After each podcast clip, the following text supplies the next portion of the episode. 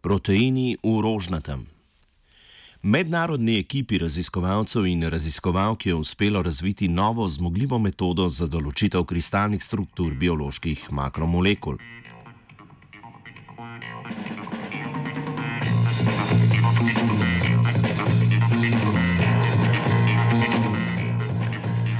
Da bi razumeli funkcijo in delovanje bioloških makromolekul, kot so denimo proteini in DNA, se morajo raziskovalci često poslužiti strukturne analize opazovanih molekul.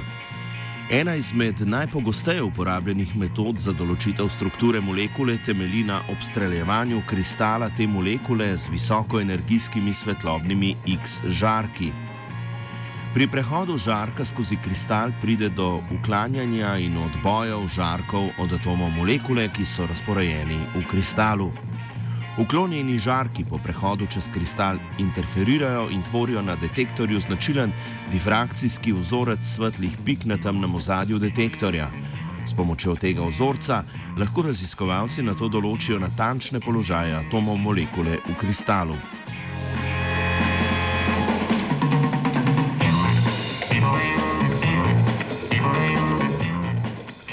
Ena izmed glavnih omejitev takšnih strukturnih študij predstavlja pridobitev kvalitetnega kristala opazovane molekule.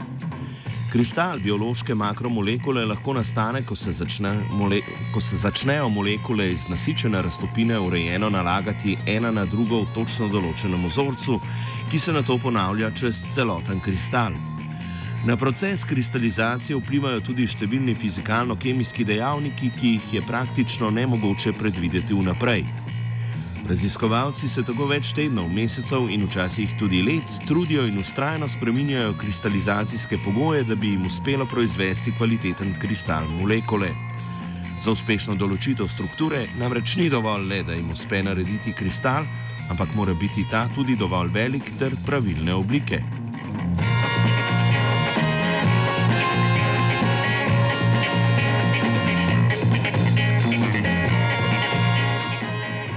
Nova zmogljiva metoda, ki so jo razvili na pospeševalniku delca Odezi v nemškem Hamburgu, omogoča natančno določitev strukture tudi takih molekul, ki ne tvorijo najboljših kristalov.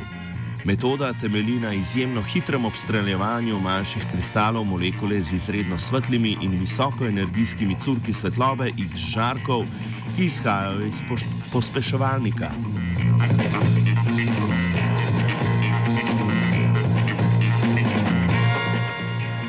Glavna novost razvite metode je, da so raziskovalci kristale obstreljevali s širokospektralnimi žarki in ne zgolj z žarkom točno določene valovne dolžine.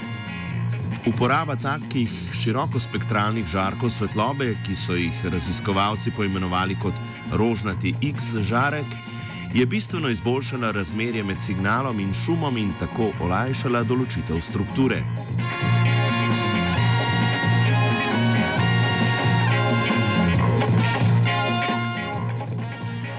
Dodatna prednost razvite metode je tudi ta, da lahko raziskovalci strukturo molekule določijo tudi pri sobni temperaturi, kar omogoča realnejši pogled v zgradbo in tudi dinamiko strukture. Še več, raziskovalci si z razvito metodo obetajo posneti potek kemijske reakcije v obliki zaporednih slik strukturne molekule med reakcijo. Ker je rožnati X žarek zelo intenziven, lahko raziskovalci difrakcijski vzorec kristala molekule posnamejo na časovni skali poteka kemijske reakcije. S hitrimi zaporednimi pulzi svetlobe tako pridobijo pogled v dinamiko strukturnih sprememb molekule med kemijsko reakcijo.